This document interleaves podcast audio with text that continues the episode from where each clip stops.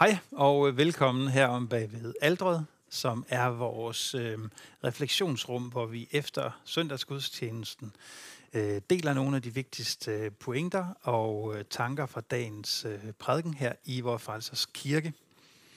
Og uanset om du er med på skærmen, eller om du øh, hører det her i din podcast, så, øh, så velkommen i det her rum. Øh, I dag har vi øh, fejret gudstjeneste på fjerde søndag efter påske. Og det er, en, øh, det er sådan en særlig tid i, øh, i kirkeåret, hvor vi er i gang med at reflektere over, hvad det vil sige, at den Jesus, der blev lagt i graven, han blev set lys levende, øh, som opstået øh, fra de døde. Og lad os, øh, lad os begynde et lidt andet sted. For i øh, 1967, der var det en verdenssensation, der skete, da den, den første hjertetransplantation blev foretaget i Cape Town i Sydafrika. Det var første gang, man øh, nogensinde øh, havde lavet en vellykket hjertetransplantation. Og det var selvfølgelig en verdens sensation og en øh, medicinsk landvinding, der, der skete der. Patienten levede kun lige knap tre uger bag efter, øh, men alligevel gav det genlyd over, over hele verden, at det nu var muligt at, at operere et nyt hjerte ind i en øh, menneskekrop. Øh, I Danmark der blev den første hjertetransplantation foretaget i 1990, Øh, og gennemsnitslevealderen er i øvrigt nu op på 15 år efter en øh, hjertetransplantation. Øhm, en hjertetransplantation er en meget, øh, meget, meget kompliceret øh, operation, og den bliver kun foretaget, når der ikke, når alle andre behandlingsmuligheder øh, er, er udtømte. Men der kan ske det med et hjerte, at det sådan helt grundlæggende svigter at det enten at det bliver forkalket, eller at det ikke længere er i stand til at sende den mængde blod rundt i kroppen, som vi har brug for for at kunne leve. Hjertet det er en sårbar muskel, sådan skriver den islandske forfatter Jon Kalman Stefansson, som øh, alle i øvrigt burde læse mindst en gang øh, om året en fuldstændig vidunderlig forfatter.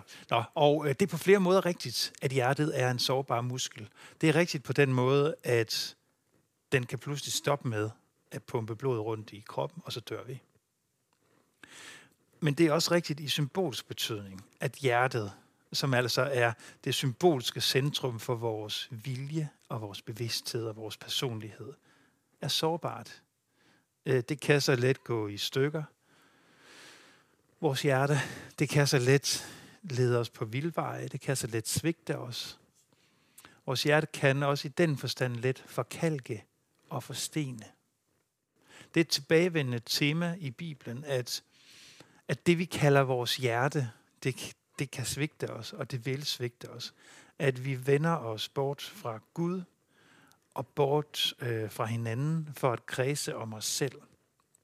Og at det medfører ulykke øh, og, og ensomhed i vores, øh, i vores liv. Så det er en del af det at være menneske, at vores hjerter bliver hårde, øh, at vi kan blive hjerteløse, sanseløse, følelsesløse. Vi kan miste evnen til at blive rørt og berørt af andre mennesker øh, og deres livshistorier. Vi kan blive mindre følsomme, vi kan blive mindre personlige, vi kan blive mindre generøse, og vi kan begynde at bruge andre som instrumenter for noget, vi skal opnå for os selv. Og vi kan også sige og gøre ting øh, til de mennesker, som vi elsker højst, som vi bagefter skammer os over og forvirrer, øh, og forvirrer os over. Der er så mange ting, der kan gøre vores hjerte hårdt. Øh, skuffelser i livet, mismod, svigtet kærlighed, øh, kynisme eller travlhed. Det øh, kinesiske tegn for travlhed, det er faktisk en blanding af tegnet for hjerte og tegnet for død. Så hjerte, død.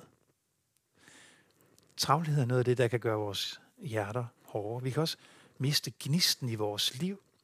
Tilværelsens gentagelser og trivialiteter kan gøre det hele, gøre hele vores liv til sådan en, en grå sump, som vi øh, plasker rundt i, og ikke rigtig kan se noget formål med.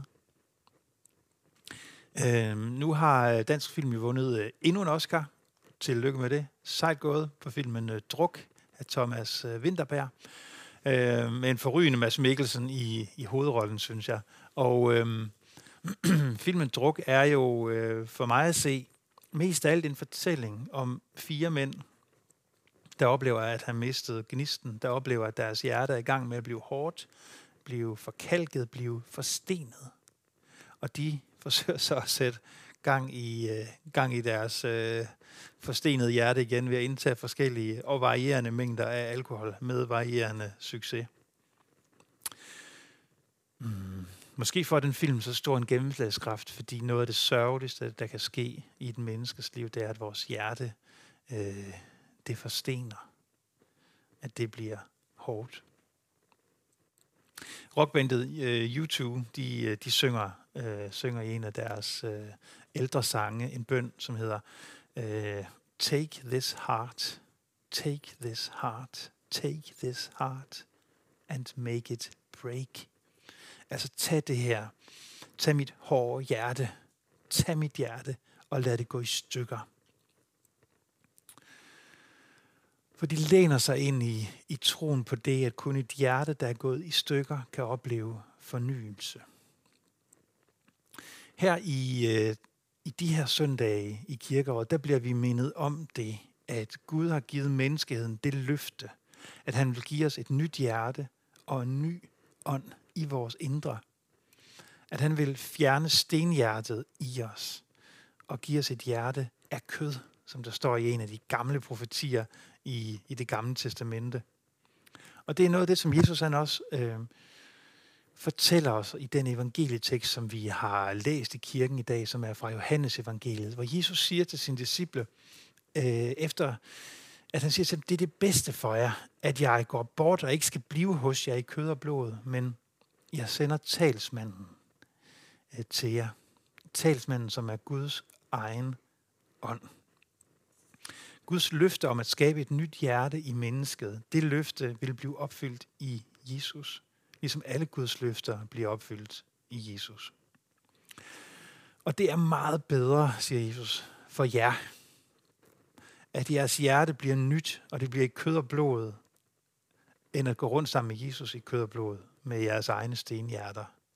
Og i dag er et vendepunkt, hvor vi begynder at se frem mod Kristi himmelfart og pinse – som er de store begivenheder, hvor vi fejrer, at Gud sender sin ånd til vores liv.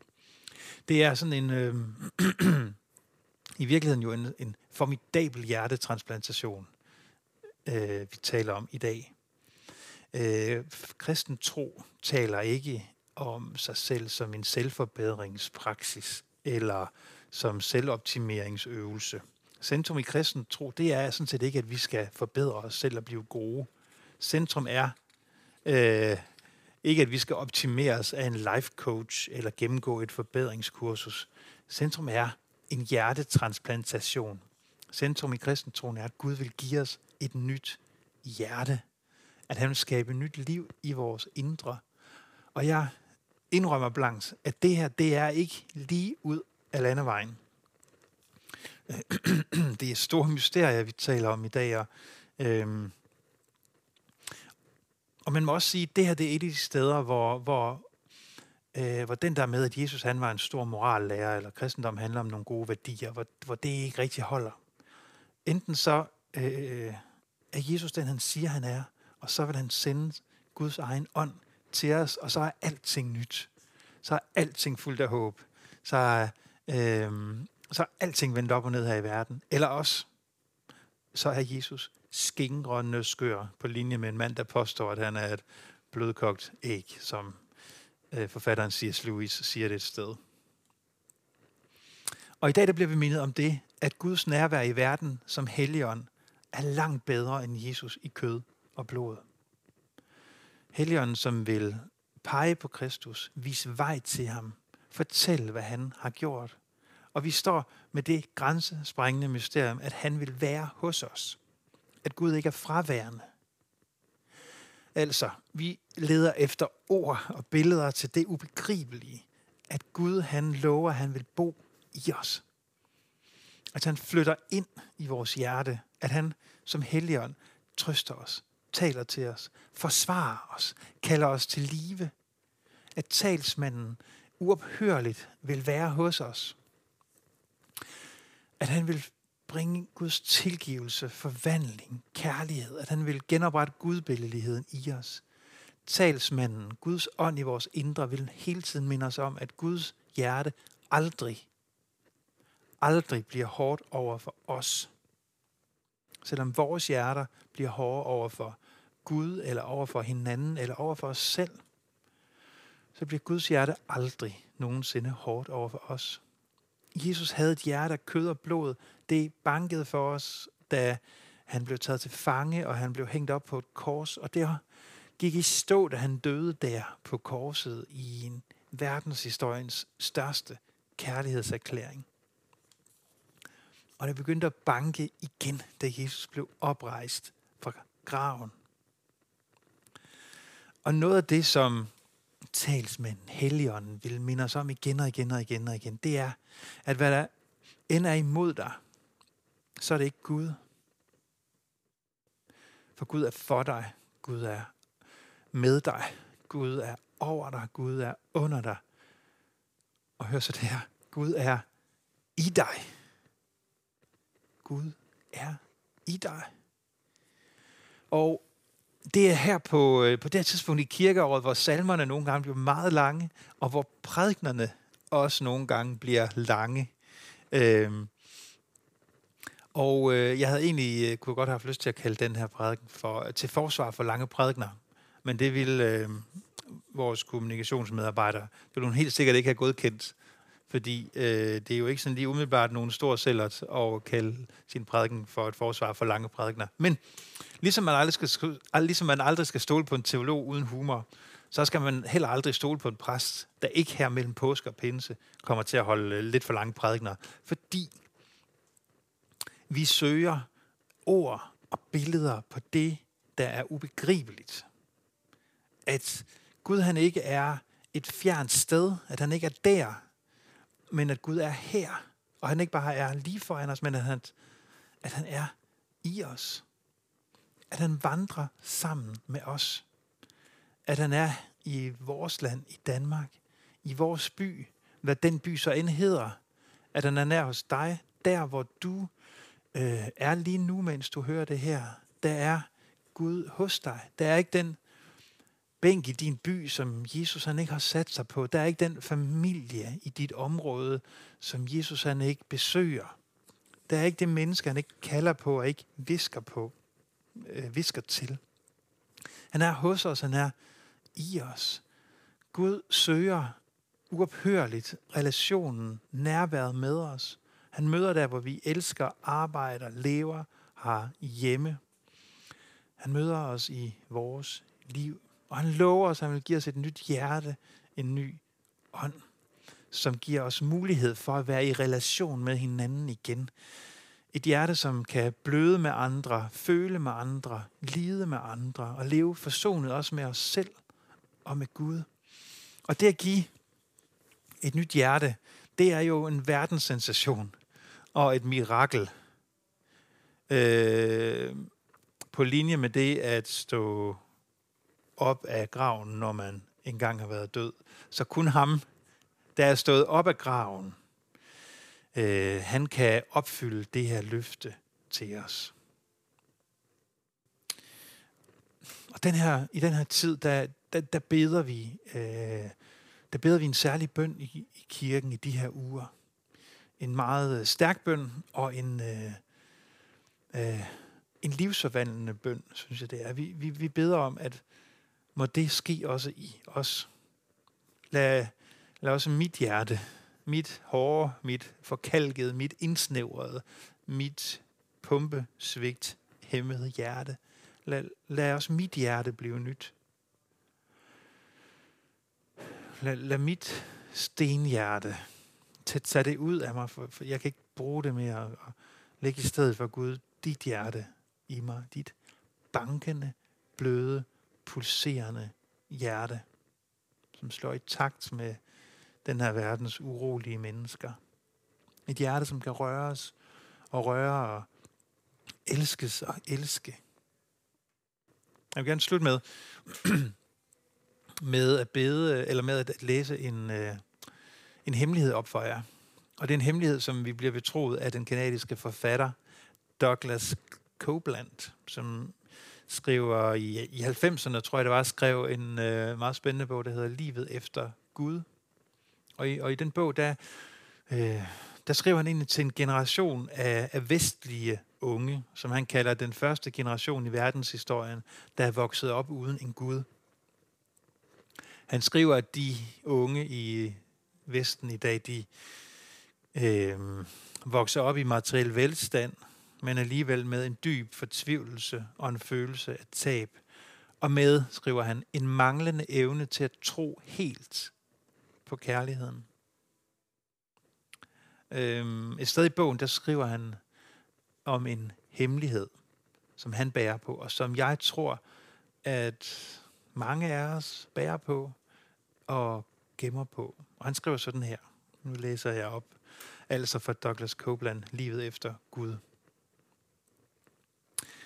Jeg meddeler jer den, altså hemmeligheden, med en hjertets åbenhed, som jeg tvivler på, jeg nogensinde igen vil opnå.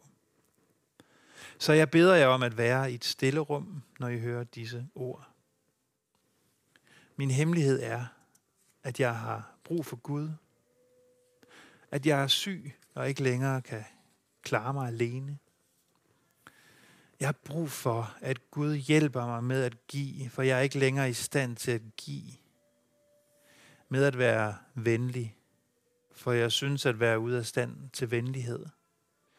Til at hjælpe mig med at elske, for det virker over evne at elske.